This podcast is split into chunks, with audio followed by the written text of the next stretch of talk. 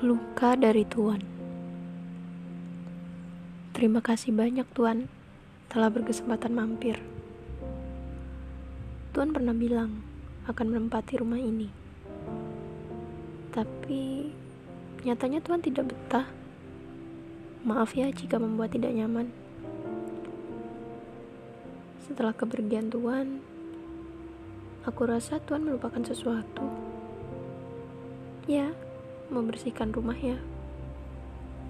Barang-barangnya tolong bereskan dulu. Jika ada yang rusak, tolong diperbaiki dulu. Tuhan membuat aku terkejut.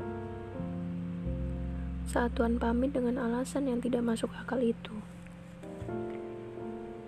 Tuhan datang dengan alasan yang cukup baik. Bukankah Tuhan juga bisa pergi dengan alasan yang baik?